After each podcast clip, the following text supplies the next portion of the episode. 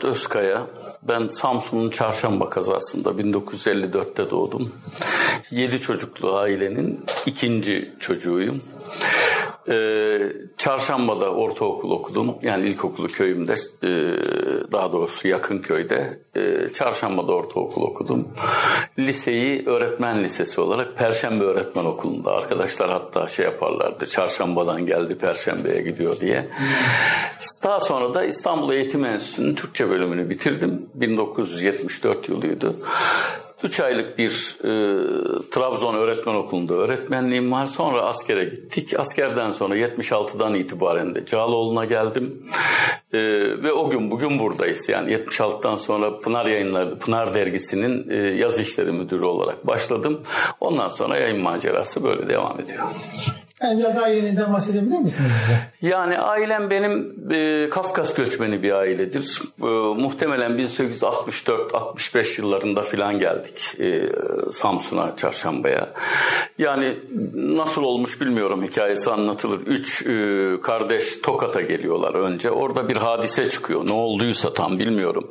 Kardeşlerden bir tanesi Samsun'a gidiyor. Bir tanesi Sakarya'ya geliyor. Bir tanesi Eskişehir'e gidiyor. Sakarya'dakiyle bir temasımız oldu tekrar buluştuk ama e, şeyle e, Eskişehir'dekiyle böyle bir temasımız olmadı. E, yani köylü ailesiyiz netice itibariyle bir köyde çiftçi ailesiyiz. E, her cümle bu yani başka ne anlatayım. Yani e, çocukluğunuzda evinize giren gazeteler, Ha, o, var mıydı? o önemli bir şey. Biraz- Hakikaten e, yani çocukluğumda e, babam şeyden dolayı e, Menderes'i çok seviyordu. Demokrat Parti'yi. E, 1960 ihtilali 27 Mayıs ihtilalinden sonra yasada mahkemelerini dinlemek için e, bütün imkanlarını ortaya koyarak bir radyo aldı. Hatta öyleydi ki radyoyu evde bir ablam açabilirdi bir babam açardı çünkü başka bir e, alet teknik bir alet. E, Menderes'e çok düşkün olduğu için o yasada mahkemelerini hem dinler hem ağlarlardı yani onu da şey yapıyorum.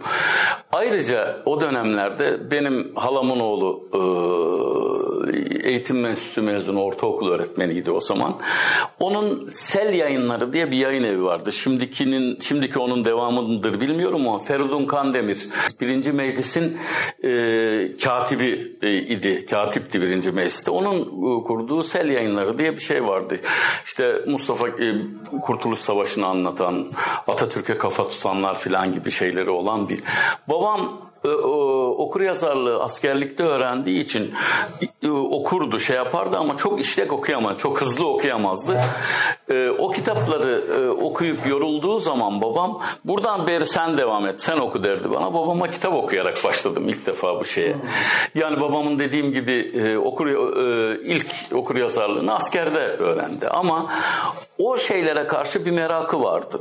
Bir de tabii şöyle bir şey var. Bunu söylemeden geçmeyeyim. Yani biz e, Kafkas göçmeni Çerkez olduğumuz için Çerkez eten meselesi e, bizimkilerin kalbinde hep böyle yara olarak kalmıştır. Ve e, o e, Çerkezlerin arasında Çerkez etemin öyle bir hain olmadığı, işte bir tezgaha düşürüldüğü gibi bir izlenim vardı. O izlenimi e, destekleyecek ve Çerkez etemin hain olmadığını ispat edecek türden neşriyat babamın e, mutlaka e, yani o varlıklı olmamasına rağmen bir takım imkanlarından kısarak ulaşmak e, istediği bir neşriyattı neticede. Hatta hatırlıyorum e, İzmir'de e, Çerkez'ten ve Hatıratı diye bir kitap çıktı o zamanlar sanıyorum. Onu bile İzmir'den getirtti. O günün şartlarında nasıl yaptı, nasıl etti bilmiyorum. Yani böyle bir e, o, Yani biraz Çerkez etimin e, tabii onun, itham edilmesinden. Tabii itham edilmesinden o Kurtuluş Savaşı hikayesini tabii o zaman şimdi Çerkez eten mesela Rauf Bey de Çerkez ama Çerkez Rauf denmiyor. İşte bir başka da var. Bir sürü şeyler var. Tabii Çerkez item hain olduğu için Çerkezliği ön- özellikle o dönemde başına konmuş. Bu da bizimkilerde böyle bir e, travma meydana getirmişti. Babam çok ciddiye alırdı. Dolayısıyla e, ona ilişkin, onun hain olmadığına ilişkin ne kadar şey varsa onu derleyip toparlamaya çalışırdı. Ki Sel yayınları da e, yani Çerkez Ethem'in hain olup olmadığı ile ilgili bir şey yapmıyordu ama Kurtuluş Savaşı'nın nasıl yapıldığına ilişkin işte Kuvayi Seyyare'nin Çerkez Ethem'in o dönemde yaptığı e, şeylere ilişkin e, birçok e, anekdotu ihtiva ettiği için bak şunu şunu yapan adam hain olur mu demek için e, o kitaplarda şey yapıyordu. Mesela çok hayıflandığım bir şey var. O dönemin Kerem'le Aslı işte Tahir'le Zühre gibi hakikaten niye bizim eve nereden girmiş? Çünkü öyle e, hani ailesinde entelektüeller olan ve öyle bir entelektüel ailenin devamı olan bir şekilde değildik biz. Yani dediğim gibi babam şeyde öğrenmişti okur yazarlığı, askerlikte öğrenmişti. Ama o tür kitaplarda vardı ve şeydi bu- bulunuyordu. Sonra e, çocukluk e, çağlarım geçtikten sonra o kitaplara niye sahip olmadım diye çok hayıflanmışımdır yani çünkü. Yani eve kitap giren, gazete Kitap giren bir giren de bir evdi. haftada bir haftada bir tercüman gazetesi alınırdı. Çünkü çarşamba günüydü bizim haftamız. Çarşamba günü çarşambaya gidilir tercüman gazetesi alınır ve e, o tercüman gazeteleri tabii mesela o zaman pehlivan tef- tefrikaları çıkardım. Mithat Sertoğlu'nun şeyde tercümanda ve e, işte Arnavutoğlu e, bilmem e, yani bu Balkanlarda daha çok.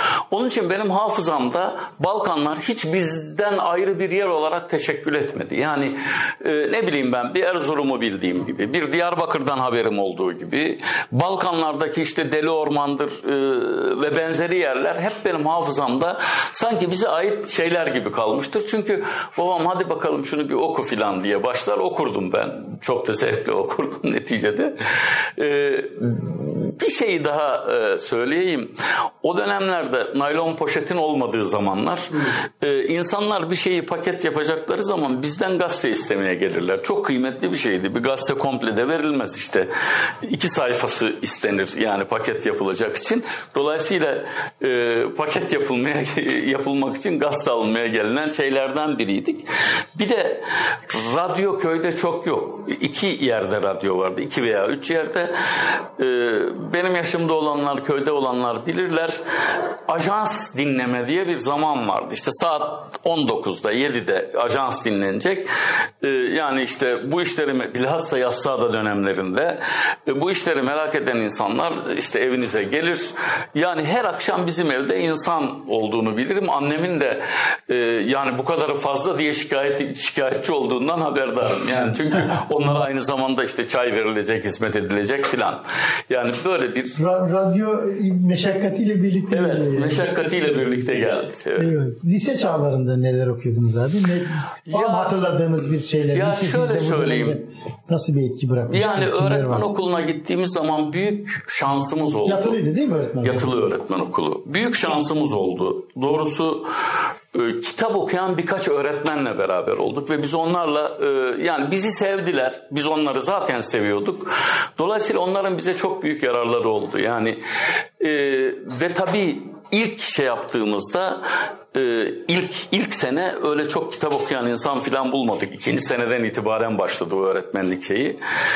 E, yani sağdan soldan kitap okunacak kitap bulmakta zorluk çekiyorsunuz. Tabii ki Batı klasikleri falan var. Bu anlamda şey yok ama bizim camiamızda okunacak kitap bulmakta ciddi zorluk çekiyoruz. Mesela bize Ömer Nasuhi Bilmen'in ilmi halini filan söylüyorlardı o zaman. İşte Numan Kurtulmuş'un şu andaki bakanın e, dedesinin e, Amentü Şerhi vardı. O tür kitaplar. E tabii o yaştaki çocuğun da çok ilgisini çekmiyor o tür şeyler. Daha sonra bir hocamız bize e, Nazım Çankaya e, diye bir hocamız. Şimdi Seyit Alt diye e, son zamanlarda gördüğüm kadarıyla siyasi Kürtçü olmuş ama o zamanlarda farklı pozisyonları olan bir hocamızdı. Hala hürmet ederim. E, onlar bizi işte Peyami Safa'yla, Necip Fazıl'la, e, işte Osman Yüksel Serden geçti o dönemin şeyiydi. E, mesela hocam Asaf Halet Çelebi'nin Çelebi konusunda şey yapmıştı. E, lisans tezini öyle yapmıştı. Dolayısıyla onun e, şiirlerini filan böyle bir e, şeye başladık ve ciddi okumalar oldu. Milli eğitim klasiklerini okuttular. Ben ömür boyu matematikten çok sıkıntı çekmişimdir. Yani e, matematik imtihanına gireceğimiz zaman geceden beni böyle ter basar yani. Çünkü e, matematik korkusu diye bir korku hakikaten bende var. Oluşturdular da zaten giderken okula matematiği veriyorsan başka hiçbir şey önemli değil. Öbürlerini verirsin zaten. Yani bu şu demekti matematiği veremeyeceksin sanki. Ben de hep böyle kıl payı yapabilmişimdir. Yani dört buçuktan beş bu, bu, bu şekilde. Fakat geçenlerde baktım şey... 5 onluk sistem. Onluk sistemde tabii. Ee, öğretmen okulu iki, ikinci sınıfta matematikten kurtulduk. Matematik yok artık. Birinci sınıfta var, ikinci sınıfta yok. Öyle bir rahatladım. Zevkli bir öğrencilik yapmaya başladık. O zaman mesela oradan kurtulduktan sonra matematik ve mantık diye Henry Poincare diye bir adamın bir milli eğitim klasiklerinden çıkmış kitabı. O kitap 450-500 sayfa. Baştan sona okumuş ve çizmişim bazı yerlerini. Geçen de elime geçti. Ya matematikten bu kadar korkan adam bunu niye okudu acaba diye kendi kendime düşündüm doğrusu. Ama e, yani okul kütüphanesinden yararlandığımızı biliyorum. Yani oradan okunacak kitaplar. Ha bir de o dönemin Oğuz Özdeş diye bir yazarı vardı. İşte kolsuz kahraman, işte e, bilmem neyin dönüşü. Sonra e, Abdullah Ziya Kozanoğlu'nun e, tarihi şeyleri vardı. Hatta ortaokul 2'de okudum. Şahin Reis diye bir kitabı vardı. Böyle dalmışım. Bir gün okulu terk ettim ve iki gün içinde o kitabı e, bitirdiğimi hatırlıyorum. Yani bu e, işte babamla başlayan, babamın okutmalarıyla başlayan bir merak e, ve iyi de oldu tabii. O öğretmen okulundaki hocalarım bu okumalarımı yönlendirdiler biraz. Yani biraz daha içerik kazanmasına sebep oldular. Mesela Peyami Safa bizim için çok önemliydi. Çok e, yalnızdı e, biz insanları. E, daha hangi kitabı var onun? Matmazel Noralya'nın koltuğunu, 9. Hariciye koğuşunu bütünüyle şeyde okudum. Necip Fazıl'ı baştan aşağı okuduk. Yani Bunlar böyle. ne ifade ediyordu size? Yani neden Peyami Safa ve Necip Fazıl daha Şunu ifade ediyordu. Yani Necip Fazıl benim için e, biliyorsunuz Necip Fazıl'ın böyle bir üstten konuşma üslubu vardır. Bizim öğrenciliğimizde e, İslam Türkiye'de tabii ki yasak değildi ama okullarda İslam konusuyla ilgili bir şey söylemeye çalıştığınız zaman çok da itibar bulmazdınız. Yani şöyle bir şey hani bir bir ayetle ilgili bir şey söyleyecekseniz hani hani bir yeri gelmiş bir ayet söyleyecekseniz bir batılı bilim adamının o konudaki tespitini söyleyip arkasına ayet sıkıştırıp söyleyebileceğimiz böyle bir e, köylü çocuğuyuz. Biraz da jandarma korkusuyla büyümüş insanlar. Gerçi bizim orası çok o konuda e, doğu gibi falan değildi ama yine de jandarma korkusunun olduğu bir yer. Yani biraz ezik tabir edelim yani o dönemin şeyiyle ilgili böyle bir yanımız vardı. Fakat Necip Fazıl'ı okuduğunuz zaman böyle alnın çatından insana konuşan, kendine bir özgüveni olan, dışarıdan birinin baktığı zaman ukalalık diyebileceği ama doğrudan doğruya bir özgüven ifade eden bir tarz. O tarz bizi çok şey yaptı. Yani etkiledi doğrusunu isterseniz. E, Peyami Safa'da e, çok derinliğine yalnızızı biz insanları filan anladığımı e, söyleyemem o zaman da ama heyecanla okuduğumu da biliyorum. E, şöyle hem genç insanlarız. E, yani biri şimdi şöyle bir bir ideolojik savaşın da olduğu bir ortam içindeyiz. X adam falan yazar filan yazar filan yazar dediği zaman sen de falan filan diyorsun. Bir de böyle bir tartışma ortamı var. Yani o tartışma ortamında işte Peyami Safa şöyle demiş, Necip Fazıl böyle demiş diye çok esasa taalluk etmeyen ama o dönemdeki öğrencilik ilişkileri içinde işte Aziz Nesin şöyle yazıyor dendiği zaman işte Peyami Safa da şunu yazmış bilmem ne de bunu yazmış meselesi biraz da o mücadelenin içinde oluş bizi okumaya doğru da etti. Doğrusunu istersen hocalarımız bize şunu da söylediler Allah var. Ee, yani bu konularda evet bu yazarlar önemlidir ama başkalarını da okumanız lazım. Yani bir iki tane hocaydı, iki üç tane, e, belki dört tane okumanız lazım diye yani ne olduğunu çok bilmedik ama hocalar tavsiye ettiler. Onlar tavsiye ediyorsa doğrudur, düzgündür, okunması lazımdır diye e, bir heyecanımız da vardı herhalde. Epey kitap okuduğumu hatırlıyorum o dönemde. Eyvallah çok güzel.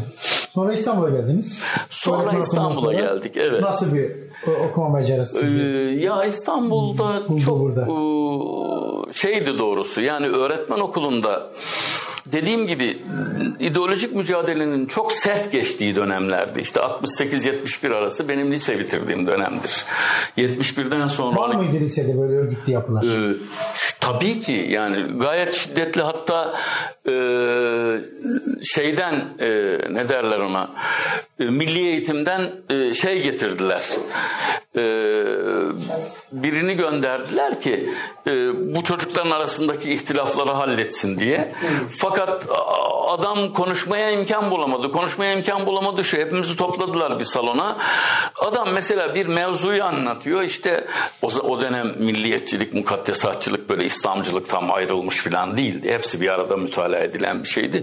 Hasbelkader bir biçimde bir milliyetçilikten falan bahsediyorsa milliyetçi öğrenciler alkışlıyor. İşte bir sol sosyalizm falan diyorsa öbürü alkışlıyor. Adam konuşamadan gitti yani veya şey oldu. Böyle bir şiddetli bir mücadelenin olduğu bir dönemdi. Oradan geldik.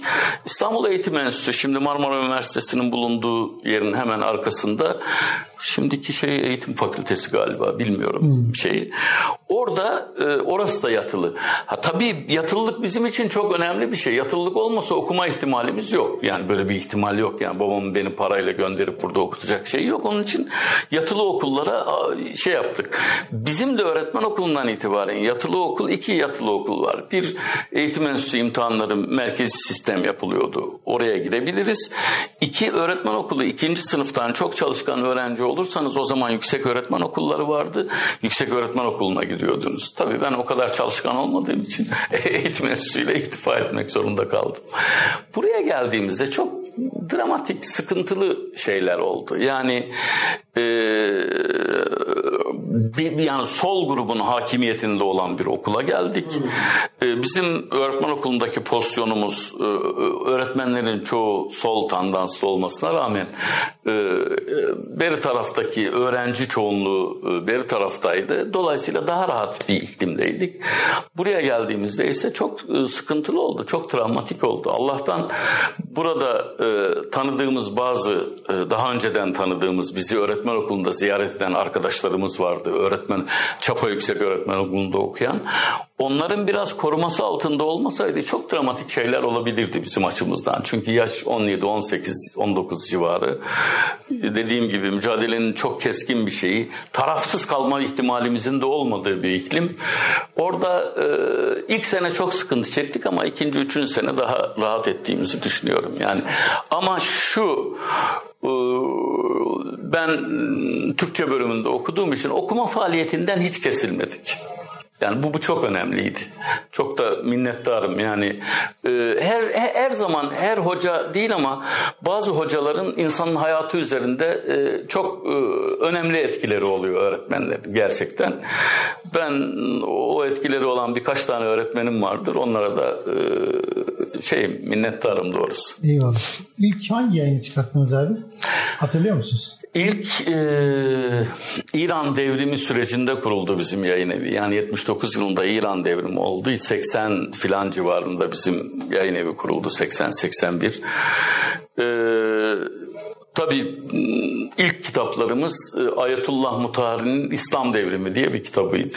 Oraya sonra geliriz bir yeni ortam gazetesi var galiba. Ha, daha, daha, önce daha öncesi. Ha, o başka yani bizim şey. Şöyle e, Cağaloğlu'na geldiğimiz zaman ilk e, işte ben e, Mücadele Birliği diye bir grubun içindeydim. Liseden itibaren mi yoksa Yok, İstanbul'dan mı? Hayır, liseden itibaren beni tanıyorlardı, gelip gidiyorlardı ama böyle bir şeyden daha doğrusu o dönem çok ayrışmanın Anadolu'ya yayılmadığı bir dönemdi. Ülkücüsü, mücadelecisi, işte daha sonra selamet olacak şeyi hepsi bir arada şey yapıyordu. Daha sonra böyle bir ayrışma meydana geldi. Bu ayrışma burada olmuş ama Anadolu'da çok e, bilinen bir şey değildi. Yani beni e, işte bu öğretmen okulundan, e, Çapa Yüksek Öğretmen Okulu'ndan arkadaşlar ziyarete gelirdi. Yeniden Milli Mücadele dergisi getirirlerdi. Ben onu dağıtırdım filan. E, böyle bir şeyimiz vardı. E, o zaman Pınar dergisi henüz çıkmıyordu biz şeyde okunurken. Yani daha doğrusu çıkmıyordu derken Mücadele Birliği'nin bir yayın organı olarak çıkmıyordu. Yani okul dergisi olarak devam ediyordu. Orada bir e, şeyimiz oldu, bir bağlantımız oldu. İşte burada e, yüksekokulda okurken o bağlantı daha çok gelişti ve e, ben askerlikten sonra dediler ki gel burada işte yayın işleriyle uğraşacaksın, burada görevlisin falan diye ben çıktım geldim yani bıraktım istifa ettim şeyi. Yani bu böyle hani size geç çık gel dediklerine göre ilişkiniz bayağı var tabii. şey tabii, yani, tabii tabii. E, tabii o üç sene içinde tabii iyi şeyimiz var, ilişkimiz var. Ee, o, o dönemde işte 76'da ben geldiğim zaman e, bizim Otağ yayın evi vardı. Hı hı. E, Pınar dergisi artık şeye geçmişti edebiyat dergisi olarak. Yeni, yeniden milli mücadele zaten çıkıyordu. Bir sanıyorum 76 e, yani 76 yılıydı benim geldiğimde. O yılda Gerçek dergisini çıkardık. Ee, o dönemde tabii otağda ilk basılan kitap hatırla yanlış hatırlamıyorsam kadroların vazifeleri diye bir kitap çıkmıştı Aykut Bey'in, Aykut Edibali'nin. Daha sonra tabii daha çok e, umuma hitap eden değil de bir nevi e, ne diyelim ona çevrim içi mektup gibiydi kitaplar. Yani umuma şey yapıyorduk ama yani daha çok kendi arkadaşlarımızı düşünerek kitap basılıyordu. Teşkilatın kadrolarına. Kadrolarına evet. Ona, ona ona kitap basılıyordu. İşte Ermeni meselesiyle ilgili bir kitap basıldı. Henry Ford'un Beynelmilel Yahudi Siyonizm ve Yahudi diye bir kitabı basıldı. Ee, Ömer Nesefi'nin Akaidi basıldı. Yani böyle e, ama bunlar hep bizim arkadaşlarımızın neye ihtiyacı var düşünülerek o günün şartları içinde basılmış. Tabii daha sonraları yani mekanizmanın dağılmaya başladığı veya dağılacağı dönemlerde işte Açtan Sayılgan'ın Sol Hareketler gibi, Yeni Sol gibi bir takım kitapları, ta, e, Tahsin Bangoğlu'nun filan kitapları, bu tür kitaplar basıldı. Bir de e, o dönemde bizim kendi arkadaşlarımızın yayınladığı hikayeler vardı, şiirler vardı işte. Allah rahmet etsin Necati Aykan, yine rahmetli oldu Mehmet Ali Taşçı, onların hikayeleri basıldı. the Ee, Mehmet Taştiken diye bir arkadaşımız Itri diye bir kitap yazdı. Itri üzerine. Ee, Mehmet Akif Akın e, Eyfel'de Karnaval filan biz de bu, bu Pınar'da da bastık o kitabı, o tür kitapları. Yani kendi arkadaşlarımızın kitapları da basılmaya başlandı. Yani e, edebiyatın kıymetini anlamış bir hareketti netice itibariyle ama e, devam edemedi yani. Daha. Yani tabii yeniden milli mücadele ilginç bir hareket. Yani evet. bir taraftan bir dönemin yetişmiş okuyan yazan e, Anadolu çocuklarını toplayan bir yer. Yani mahsuru yoksa biraz yeniden milli mücadelenin sizin perspektifinizden nasıl oluştuğunu, nasıl geliştiğini, nereye tekabül ettiğini Türkiye'de e, ne diyelim İslamcı hareket açısından biraz açabilir misiniz? Ya şimdi e, tabii yeniden milli mücadele bir gençlik hareketi e, kuranlar da genç. Yani e, yeniden milli mücadele, daha doğrusu mücadele birliği hareketini kuracağız dedikleri zaman yaşları 25 ile 30 arası yaşlar. E, hep ben düşünmüşümdür. Yani 25 yaşında, 30 yaşında bir çocuk, daha doğrusu 25 yaşında bir genç çocuk, yanlış bir ibare olur. Niye böyle bir şeyi kurmak ister? Yani niye böyle bir ihtiyaç içinde olur? Nasıl böyle bir şeyi kurmayı düşünür diye. Muhtemeldir ki bunlara bunlara bu şeyi veren, bu fikri veren bir genç yaşlı abiler topluluğu vardır. Yani çocuklar siz e, acar çocuklarsınız. Böyle bir şeyi yapın diye. Hangi niyetle yaptılar, nasıl yaptılar, niye yaptılar bunları bilmiyorum doğrusunu istersen. Yani çok da spekülasyon yapmak istemem ama 25 e, yaşında bir delikanlı durup dururken ben böyle bir şeyi yapayım demez. Ama şu oldu. Yani mücadele birliği e, o günkü sağ hareketler içinde en sistematik olanıdır. Yaygınlığı çok değildir ama etkisi çoktur. Yani yaygınlığı çok değildirden kastım şu. Çok büyük bir insan topluluğuna hitap eden bir e, yanı yok. Ama hitap ettiği topluluk o günün şartlarıyla diyorum yine. Dergiyi okuduğunuzda da görürsünüz. Diğer dergilerle mukayese ettiğinizde de görürsünüz. Daha sistematik, daha hedefli, daha e, biraz böyle okumaya meyleden en azından o günkü şeylerde böyle bir insan topluluğu oluşturdu o. Hangi dergiden bahsediyorsunuz? Yeniden milli mücadele de öyledir. Ee, işte gerçek dergisini çıkarmak gibi bir Yani ihtiyacım gerçek, gerçek ve Pınar biraz öyle ama yeniden milli mücadele böyle bir yeraltı örgütünün yayın Ama şöyle bir şey, yani. onu öyle mukayese edeceksiniz zaten. Yani yeniden milli mücadelenin şeyinde çıkan diğer dergilerle mukayese ettiğiniz zaman mesela yeniden milli mücadelede e, Kimlerle mesela mukayese edersiniz siz? O günün şartlarında yani şimdi bana isim isim söyletme yani onu söylemek çok istemem yani doğrusunu istersen. Bence Söyleyin. Ee, Soldan sağdan hangi dergilerdir mesela onun muhabiri? Yani e, işte Mestebe'nin çıkardığı bir takım dergiler vardır. Dönün bakın.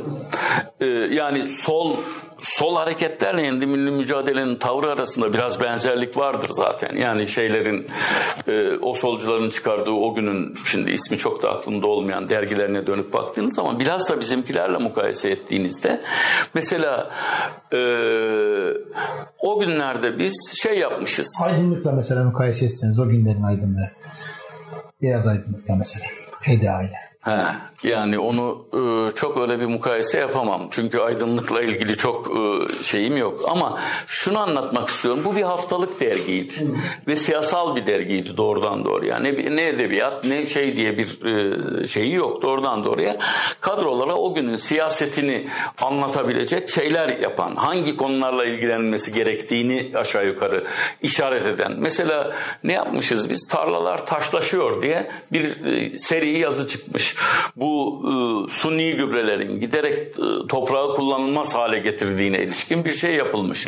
Bunun doğru olup olmamasından ziyade o günün şartları içinde böyle bir ilginin ortaya çıkması önemli bir şeydir. Mesela işte biz ilmi sağ diye bir şey yapmışız. Yani bu dediğim gibi bunların doğruluğu şeyliği üzerinde durmuyorum ama bir sistematikleştirme yapılmış. İlmi sağ işte bir, bir dünya görüşünün bir biçimde anlatılışı nasıl yapılacağını inkılap ilmi diye bir şey yapmışız. Toplumu değiştirmeye dönük nasıl davranılmalıdır filan diye. Bunlar dediğim gibi hep doğrulukları zaten tartışılabilir ve şey olabilir şeyler. O günün şartları içinde biraz daha sistematik düşünen, biraz daha e, ne diyelim Teşkilatlı hareket edebilir. teşkilatla hareket edebilen bir grup. Mesela biz burada 29 Mayıs 1970'te bir fetih mitingi yaptık. O fetih mitinginin diyelim ki 10 bin kişi 20 bin kişi katıldı. Ama öyle bir e, düzgün sıralanma yapılmıştı ki e, onu insanlar 100 bin kişi falan zannettiler yani. Çünkü uzun işte araya birer metre ikişer metre aralar koyarak sıra yapıyorsunuz. Her 50 kişinin bir sorumlusu oluyor filan. Bu tür şeyleri olan bir hareket. Dediğim gibi mahiyeti ayrı bir tartışma konusu, konusu şeyin. Ee, mesela işte bir yayın evi kurmak lüzumunu hissetmiş kendisine. İşte Gerçek diye bir dergi çıkarmış ve o gerçeği e, genellikle kendi arkadaşlarımızın e, yazı yazdığı mekanizmalar. Daha sonra başkaları da katıldı onların içine ama hem arkadaşlarımızı motive etmeye dönük hem de bir ihtiyacı karşılamaya dönük şeyler olarak düşünüldü bunlar. Tabii sonrası sonrası başka bir hikaye. Siz başlangıçta da bir yani bu işi tavsiye eden, yönlendiren arka planda bir takım abiler olabilir dediniz. Orayı biraz açabilir misiniz? Yani ne, neyi kastediyorsunuz bununla? Şunu söylüyorum. Benim ekstra bildiğim bir şey yok açık söyleyeyim. Çünkü o yani onların arasında geçmiş bir hikaye ve bize anlatılmış çok fazla bir şey yok o konuyla ilgili. Halen daha bu kadar yıldan sonra. Ee, yani evet halen daha yani bir birçok şeyi anlatıyorsunuz ama bir işin dedikodu mesabesinde olması var. Dedikodunun ötesinde bir gerçekliğe kavuşturulması hikayesi var. Dedikodu bir sürü şey anlatılıyor. Yani o anlamda bir şey yok, problem yok ama şunu düşünüyorum. Yani 25 ile 30 yaş arasındaki insanlar e, yani bir öğrenci derneği kurarlar, bir şey yaparlar, bilmem ne ederler filan ama e, bu insanların çıkıp da ya biz inkılap yapacağız diye e, bir organizasyon kurmaları, bunu teşkilatlamaya çalışmaları yani çok makul gelmiyor. Kendi kendiliğinden olması makul gelmiyor. Ama o dönemde sağcı kesimin abileri var. İşte Mehmet Emin Alkan'dan alın Ömer Öztürkmen'e kadar devam eden bir, bir şey var. Bir, bir grup var. E bu insanlar tabii ki bu 25-30 yaşında gençlerden biraz daha yaşlılar. Daha e, kamuyla e, daha doğrusu kamuda görev yapan işte birinin gazete sahibi öbürü bilmem ne filan e, muhtemeldir ki bunların bir takım tavsiyeleri olmuştur. Buna benzer insanların diye düşünüyorum. Yoksa bildiğim ekstra ve özel bir şey yok yani. Evet. Siz dediniz ki sonrasında da yani bir takım değişimler oldu. İşte biz bu dergileri çıkarıyorduk, yayın yapıyorduk ama sonrasında bir takım değişimler oldu. Nelerdi onları? Ya değişim şu. Ee, yani bizim hepimiz öğrenciyiz. Ee, öğrencilik e, öğrencilerle bir işi yapmak çok maliyetli olmaz. Maaş ödemiyorsunuz, sigortasını ödemiyorsunuz, bilmem ne yapmıyorsunuz. Ee, elbette bir süre sonra bu öğrencilik bitiyor ve siz hayata atılmak durumundasın. İşte evlilik olacak, bilmem ne olacak filan. Ee, öğrencilik döneminde bu işler gayet rahat gitti. Yani çünkü yurtlarımız vardı. Teknik Üniversite tarafında ve İstanbul Üniversitesi tarafında dergi katlanacak, götürülecek, bilmem ne yapılacak işte 15 bin filan basardı mücadele, yeniden Milli Mücadele dergisi o zaman. O bir yerlere gönderilecek. Diyelim ki Teknik Üniversiteden veya İstanbul Edebiyat'tan bir grup insan gelsin dediğinde oranın mekanizması bir 15 kişiyi gönderir. O iş o hafta yapılır gider. Ertesi hafta diyelim ki hukuktan bir 15 kişi gelsin denir. Öyle yapılır giderdi yani. Böyle yapılırdı işler. Dolayısıyla bu son derece maliyeti azaltan bir şeydi. Ee, para da ödenmiyordu bunlara. Fakat daha sonra herkes mezun oldu ve bir yerlere gitmek lüzumu hasıl oldu. Yani profesyonellerin artık paralı olabileceği. Arkadan gelmedi mi yeni öğrenci? Yani? Yeni öğrenci var ama profesyoneller bir şeyleri yürütmek zorundalar aynı zamanda. Yani yetiştirdiğiniz elemanı salarsanız durmadan eleman yetiştirmek durumunda kalırsınız. Bir kısmını Anadolu'ya ki öğretmenler daha çok böyle olmuş gönderiyorsunuz ama bir kısmını da burada istihdam ediyorsunuz. Mecburen. Çünkü mekanizma da büyüyor, genişliyor. Büyüdükçe istihdam talep ediyor. Bu tabii e, sorunlar meydana getirdi. Bu bir. İki, e, çok kısa vadeli hedefler koyup işte en kısa zamanda işi başaracağız ve işte bizim hareketlerimizin birçoğu iktidar hedefli hareketlerdir. Hmm. Yani e, yani kültürde, edebiyatta, şeyde iktidara hizmet ettiği kadar var olan bir durumdu. Dolayısıyla e, yani uzun olmayan bir gelecekte bunun olabileceği söyleniyor ve tabii kendi içinde bir mantık kurduğunuz için bu mantıksal doğruluğu tutarlılığı da var bunun. Mantıksal tutarlılığın illa realiteyle do- eşleşmesi veya realitede doğru olup olmaması gerekmez. Yani kendi öncülleriyle olması. Kendi öncülleriyle bir öncül koyarsınız o şekilde man biz o mantıksal tutarlılıkla çok kısa sürede yapılacağını düşündüğümüz şeylerin tahmin ediyorum öyledir. Yani olmayacağını gördü yukarıdaki insanlar. Biz bunu görmedik önce. Çünkü daha biz çok gençtik. Ee, işte 12 Mart 1971 geçmiş hareketin üzerinden ortaya işte bir arkadaşımız abimiz tutuklanmış birkaç arkadaş şey yapılmış yargılanmış filan. Başka türlü bir şey çıktı iklim çıktı ortaya ve e, realiteyle karşı karşıya geldiğiniz kısa sürede bu şeyin olmayacağını ve böyle olmayacağını yukarıdakiler muhtemelen gördüler. Nitekim e, şey dönemimizde e, ayrılma dönemimizde e, hareketin lideri ben 74 yılından itibaren hareketi dalgalanmaya bıraktım zaten demiştim.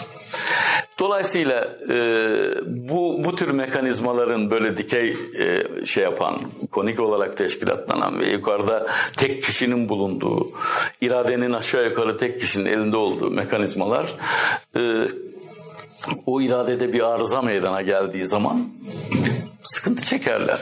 Yani çoktan e, dağılmaya karar vermiş bir hareketi aşağıdakilerin heyecanlı e, çalışması 78'lere kadar götürdü. Ama gitmiyor. Yani öyle bir dağılış.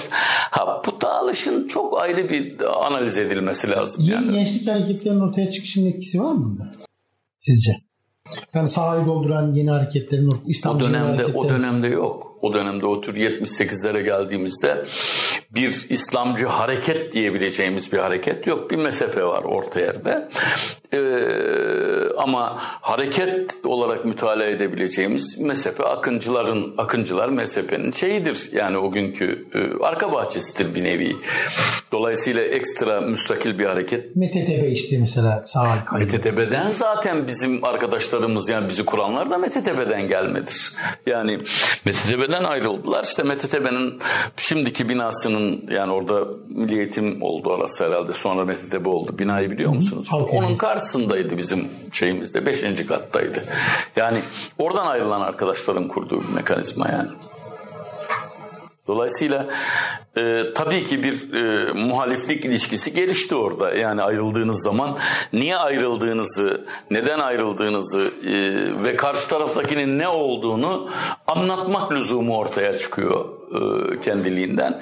E, biraz da bu e, ayrışmayı da meydana getiriyor. Giderek ayrıştırıyor yani. Epey bir ayrılan grup var değil mi? Şeyden, milli mücadeleden doğan, çıkan. E, var epeyce var evet. Mesela kimler var biraz aklınıza geliyor mu hiç? İsim olarak. Yani olarak. mesela e, bizim Pınar e, şey Ümran Medeniyet Hareketi e, efendim Fecr Yayın Evi Ankara. Ankara'da e, Bilgi Vakfı herhalde. şey Şimdi Ekin yayınları da Özgür Der'de işte Özgür Der oradan ayrılma değil de e, yani Hamza Beyler, Muharrem Beyler filan oradan ayrılan arkadaşlar epey bir grup var yani böyle. Ama hepsi de genellikle bir faaliyet içinde olmuştur yani neticede. Evet. Pınar dergisi sizde mi kalmıştı yani Evet. ayrıldığınızda çünkü Evet. tekrardan birden başlıyor 80'in başında 1980'in başında bir 3 sayı çıkıyor sonra darbe geliyor herhalde. Seyit alıntılar falan var. Evet, Böyle evet. değişiyor içeriği. yani. Evet.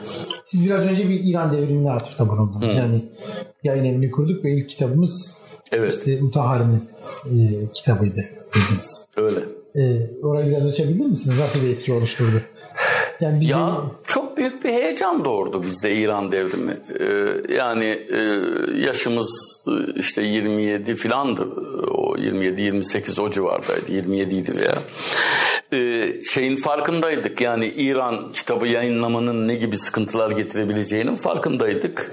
Ona rağmen İran devrimiyle başladık. Tabii şunu söyleyeyim. e, hakkını teslim etmek lazım. O zaman e, Allah kurtarsın Ali Bulaç'ınların Düşünce dergisi vardı. Bizi e, etkileyen dergilerden de biridir aynı zamanda. Düşünce dergisi ve yayın evi. Ee, ilk e, İran'la ilgili Ali Şeriati'nin kitaplarını çıkaran Düşünce oldu. Düşünceden sonra biz e, şeyi çıkardık. E, Ayetullah Mutari'nin kitabını. Fakat Ayetullah ismiyle çıkan ilk kitap oldu e, bizim kitabımız. E, Edebiyat Fakültesinde İranlı sol gelenekten gelme Ali Milani diye bir hoca vardı. E, Ali Milani ile tanıştık, şey yaptık. Tabii sol gelenekten gelmeydi ama devrimi sonuna kadar destekliyordu. Ali Şeriati'nin de hocası olmuş biriydi Ali, Ali Hoca Allah rahmet etsin. Onun tavsiye ettiği kitaplardı bunlar. Yani ilk kitaplarımız oldu. İşte o zaman kitaplar asgari 5000 basılıyordu. Ee, biz 5000 bastık. İşte dağıtımını yaptık kitabın. Aşağı yukarı 3000'i iade geldi. Yani bunlar Şii, Şii kitaplarıdır.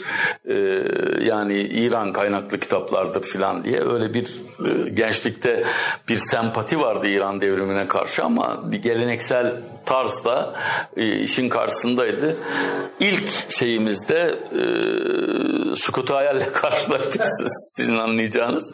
Ama ikincisi de yine Ayetullah Mutari'nin Tevhidi Dünya Görüşü diye bir kitabını bastık. Onda da bir 2-3 bin iade geldi. Yani inatlaşır gibi. Fakat sonra üçüncü kitabımız Edward Said'in Oryantalizmidir. Ee, o da bazı şeyler tesadüf değil de tevafuk derler. Bu Elif kita e, Sahaflar Çarşısı'nda Elif Kitap Evi diye bir kitap Aslan- evi var. Aslan Aslan, Kaynardağ'ın. Kaynardağ'ın şeyi. Ben o, o- oraları gezerdim. Ve Aslan Kaynardağ'da e, Türk Tarih Kurumu'nun kitaplarını bulmak o zaman zordu. Yani sadece Ankara'dan filan alınabilir. Bir de burada bazı bayilikler vardı verdiği. Oralardan alınabilirdi. Aslan Kaynardağ'da o kitapları getirirdi. Ben de oraya kitap bakmaya giderdim ara sıra. Bir gün e, işte kitaplarla uğraşıyorum. Bir e, böyle tombul yüzlü, orta boylu, işte dağınık saçlı bir adam geldi. Aslan Bey ile konuşuyorlar. Ya kardeşim dedi öyle bir kitap çıktı ki şimdi Fransa'dan geldim. O zaman internet falan yok böyle bizatihi ya Haşet diye bir kitabı vardı oradan temin edeceksiniz. Veya da birisi gidip gelirken getirecek filan yani şey yapacaksınız. Ee, müthiş bir kitap dedi. Orientalizmi anlatıyor. Aldım kitabı dedi. Okudum. Beni çok heyecanlandırdı doğrusu dedi.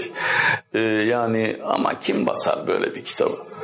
Yani ben öyle atak biri de değilimdir ama yani biraz e, kulak misafiri olduktan sonra yavaşça çok da mahcubiyetle yanaştım. Dedim ki affedersiniz ben sizin konuşmalarınıza biraz kulak misafiri oldum.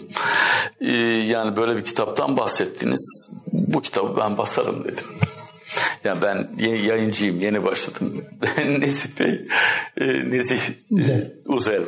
Şöyle bir baktı, ne yayın evi? İşte Pınar Yayın Evi. Kaçıncı kitabınız? Yani bu üçüncü olacak dedim. Yani yalan söylemenin bir alemi yok yani şey değiliz. Neyse biraz oturduk konuştuk. Yani o konuşma içinde muhtemeldir ki Nezih Bey'in biraz kanı kaynadı veya şey yaptı. Dedi ki sen adresini verdi bizim eve bir gel bir konuşalım filan dedi. Gittik Nezih Bey'le e, şey konusunda e, ama ilk defa vermedi. Yani birkaç defa gittim, konuştuk. Yani kendine göre bir denemeden geçirdi Nezih Bey. En sonunda dedi ki tamam ben bu kitabı size yapayım filan dedi. Ve üçüncü kitabımız oldu. İşte ondan sonra Nezih Bey bize e, yani Garodi'nin yeni Müslüman olduğu zamanlardı. Çok büyük popülaritesi vardı o iki kitabını da o getirdi bize. Ee, İslam'ın vaat ettikleri ve Siyonizm dosyası diye. Ee, garip bir şey 1982'dir galiba şeyin tarihi TÜYAB'ın ilk başladığı tarih. Bu e, şeydeki e, Taksim'deki Etap Otel'in altındaki balo salonunda TÜYAP Kitap Fuarı ilk defa başladı. Biz de o fuara girdik. O senede e, fuarın onur konuğu Garodi oldu. Yani millet bizim getirdiğimizi zannetti ama bizimle hiç alakası yoktu yani Garodi'nin.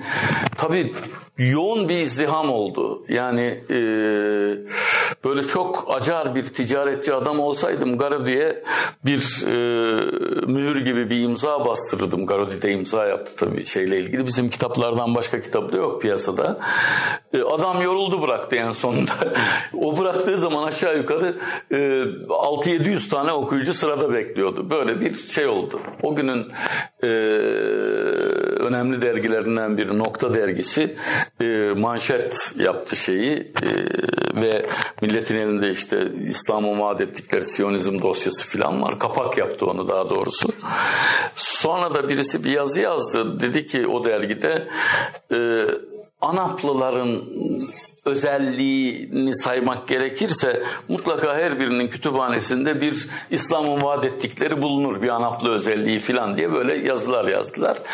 Öyle yayıncılık şeyi başladı yani serüveni başladı. Bu arada sizin e, yani 79'da kur, kuruyorsunuz galiba değil mi Pınar Yayın de 80 80 falan olması Mesela lazım. o dönem Düşünce Yayın Evi de var. Siz ayrı bir yayın evi kurma ihtiyacını neden hissettiniz? E yani e, şundan... Kimler vardı bu arada yani sizle beraber? E, yani biz bir mekanizmadan ayrıldık, geldik. Ee, yani şimdi mekanizmadan ayrılanlar genellikle e, niye ayrıldıklarını şey yapmak isterler. Şunu şunu yapmadınız biz bunu yapıyoruz. Mekanizma derler. dağılmadı mı zaten? Ee, yani genç kesiminin tamamı hemen hemen ayrıldı. Yani mekanizma dağılmadı mı derken bir şey olarak devam etti ama iddiasını bırakarak devam etti. Hala devam ediyor işte Millet Partisi oldu, İslahatçı Demokrat Partisi oldu filan. O ama o iddiaların hepsi bir kenar şimdi yeniden e, hareketlendiklerini söylüyorlar. Bilmiyorum nedir yeni hareketlenme, niye oldu, neden oldu. Dergiyi de çıkarmaya başladıklarını duydum. Hangi dergi? Yeniden Milli Mücadele dergisini çıkarmaya başlamışlar diye duydum. Bilmiyorum şeyini. Ee, görmedim daha doğrusu. Yanlış da olabilir. Ee, dolayısıyla yani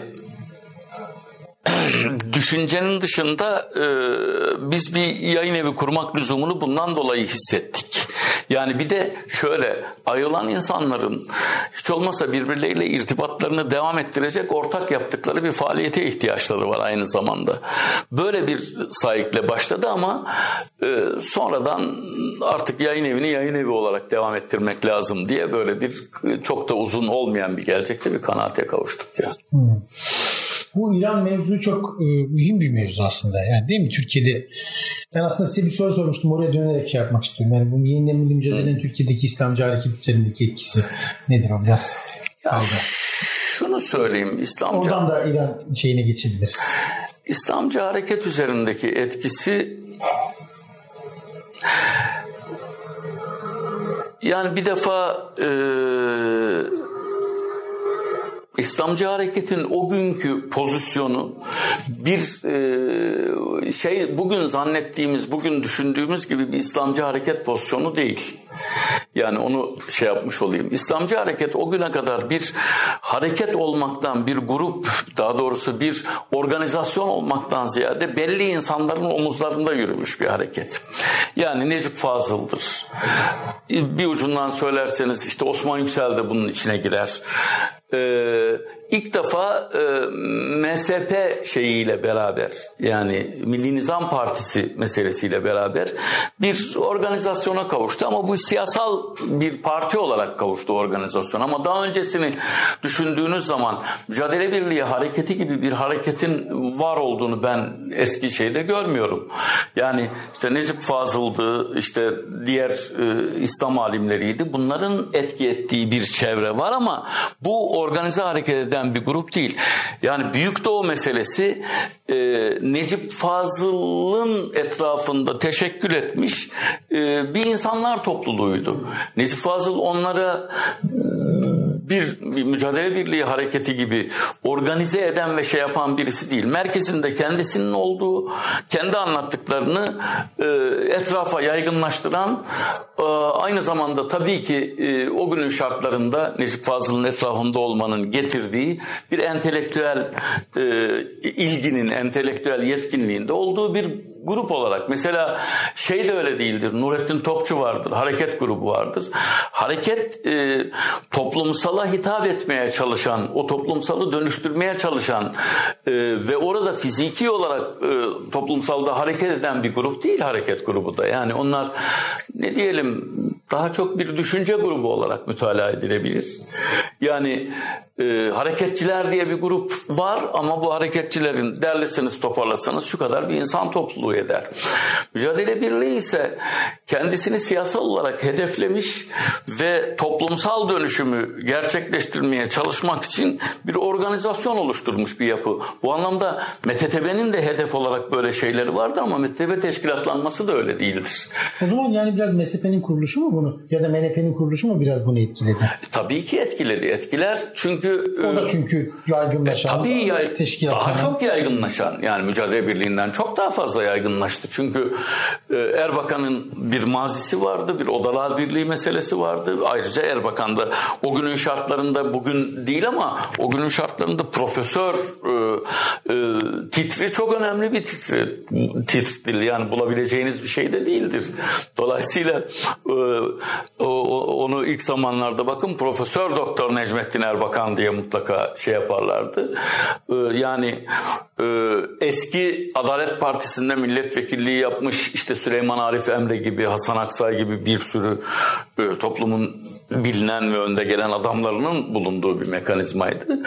Elbette kendi katılımcılarından oydan başka bir şey istemediği için yaygınlaşması çok daha fazla oldu çünkü.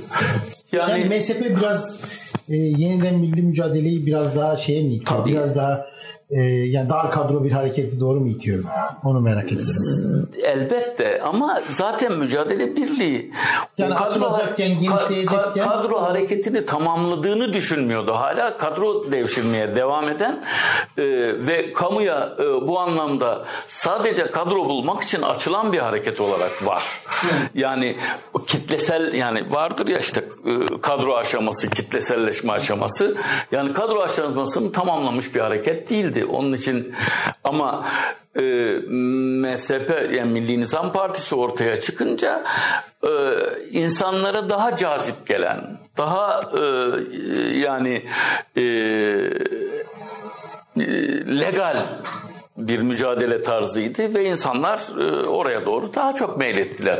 Beri tarafta kadro bulma hikayesi tabii e, insanlar buraya gittiği için daha az insan unsuru içinden bir me- me- mekanizmaya adam bulmaya çalışıyordunuz. Yani bu Yani böyle biraz İran devrimi de sizin için böyle bir kadro hareketi içerisinden, kadrocu bir hareket içinden çıkmış olmaktan ötürü mü cazip geldi acaba? Yo hayır. bir devrim hayır, hayır. Biz o, o yapar. kadro meselesini e, yani ayrıldıktan sonra kendi aramızda çok tartıştığımız bir işti. Yani o bir şey olmaktan ziyade e, tabii e, çok kesin sonuçlara vardığımız bir şey de değil ama öbür kadroda gördüğümüz arızaları yapmayacak e, bir e, ne diyelim yönelime doğru şey yaptık. İran devrimi herkesi heyecanlandırdı. Yani Türkiye'de e, e, düşünce grubundan al bilmem e, işte Tevhid, Şura, Mura o e, cenahların hepsi yani azıcık entelektüel ilgisi olan insanların birçoğunu heyecanlandıran bir devrimdi. Dünyanın her yerinde olduğu gibi. Bizi de e, o anlamda heyecanlandırdı doğrusunu istersen. Çünkü şuydu e, yani devrimler çağının geçti dendiği bir dönemde e, büyük bir kitlesel devrim üstelik çok kan akıttığı söylenmesine rağmen Fransız devriminin onda biri kadar yirmide biri kadar kan akıtmamış bir devrimin e, bizim açımızdan büyük bir şeyi vardı. Çünkü e, yani şöyle bir şey bir, bir yanda var. Ee, İslam'ın bu çağda bir şeyler yapabileceğine ilişkin İslam bu çağa hitap edebilen bir şeydir. Büyük bir ha, kitleyi dönüştürebilen, devrim yapabilen bir şey bu. O dönemin e, durumunda bizi hakikaten heyecanlandırdı yani. Sonradan tabii e, başka sıkıntılar çıktı ortaya ama o bir daha sonra biz e, İran'da devrim ve karşı devrim diye kitap bastık şeyin. Pakistan asıllı biri şimdi ismi aklıma gelmedi doğrusu. Evet benim de aklıma gelmedi.